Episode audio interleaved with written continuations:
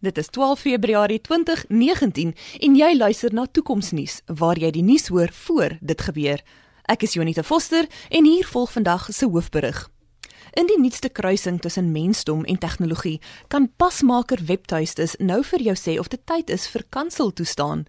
Die webtuistes gebruik DNS-profile wat die keuring van moontlike lewensmaats meer wetenskaplik maak. Persone wat alreeds hul DNS ontleed het en op die uitkyk is vir 'n lewensmaat, kan nou hierdie diens aktiveer. Vroeë gebruikers van die stelsel blyk heel tevrede te wees met die pasmaatvoorstelle wat gemaak word. Pieter Geldenhuys is saam met my in die ateljee om te verduidelik hoe hierdie ontwikkeling werk. Welkom Pieter. Hallo Junita.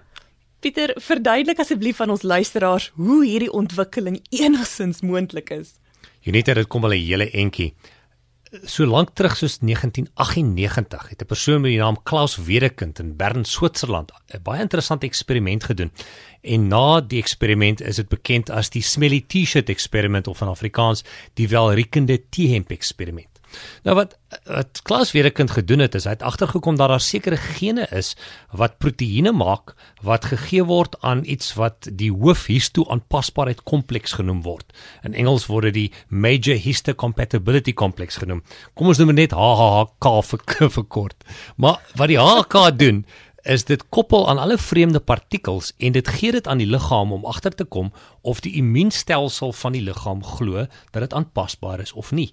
En dit is baie interessant dat slegs 2 tot 3 uit elke 100 000 mense aanpasbaarheid het. Byvoorbeeld as jy 'n veloorplanting doen, sal jy slegs 2 of 3 ander mense kan hê wat dieselfde veloorplanting vir jou kan gee.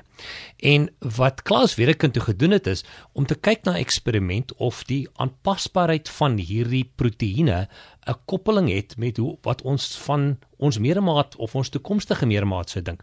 En hy het 'n eksperiment gedoen waar hy 49 vroue gebruik het en gevra het dat hulle die hemde van 44 mans moet snuif.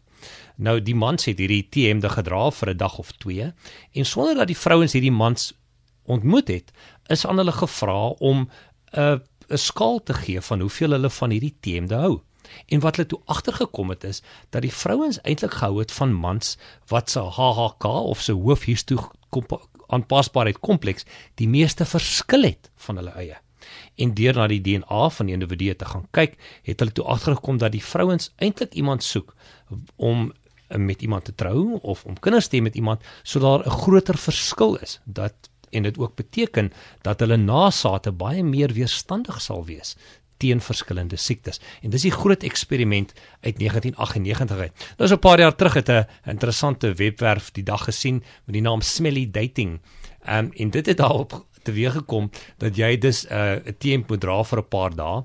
Iemand het dan daaraan gesnyf en jy is dan aan mense bekend gestel van wie se teende jy die meeste gehou het. Met hierdie nuwe pasmakingswebwerf sien ons dat dit 'n bietjie meer wetenskaplik is. Omdat al hoe meer en meer van ons ons DNS aan ontleed, kan ons nou ons DNS koppel aan ander om te kyk watter ander persone 'n baie beter passing vir ons gaan gee dat ons nasate baie meer weerstandig teen siektes gaan wees. En dit is waar hierdie DNS webwerf tot stand gekom het ons is so gewoond aan ek dink van kleins af om 'n pasmaat te soek wat dieselfde is wat ooreenstem met met dit waarvan jy hou en jou belangstellings en jou voorkeurlysie in hoe mate gaan hierdie ontwikkeling die tradisionele manier van lewensmaat soek verander?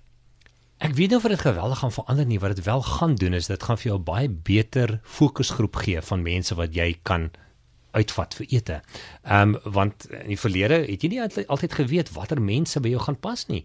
En nou word daar 'n klein groepie vir jou gegee waarin jy kan agterkom of hulle wel dieselfde smaak in musiek of in rolprente of in die wêreld so politiek het as jy.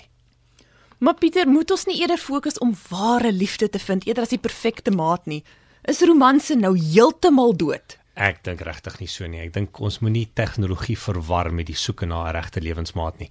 Ek dink soos ek alreeds gesê het dat hierdie kleiner groepie, ehm um, jy alreeds van gaan hou, want dit is die mense wat jy outomaties van gaan hou deur jou neus wat vir jou vertel dat ek hou van hierdie persoon. En nou word die uh aanpasbaarheid baie makliker gemaak want die internet maak dit nou maklik om agter te kom watter persone beter by jou DNA gaan aanpas. Baie dankie Pieter. Met Valentynsdag net om die draai, is dit miskien nou nodig om meer as sjokolades en rooi rose te bestel. 'n Geskenkbewys van 'n DNS-profieltoets kan dalk net 'n goeie belegging in 'n gesonde en miskien gelukkige toekoms wees. Dit was Pieter Geldenhuys en Jonita Foster vir Toekomsnuus, waar ons die moontlikhede van die toekoms ondersoek.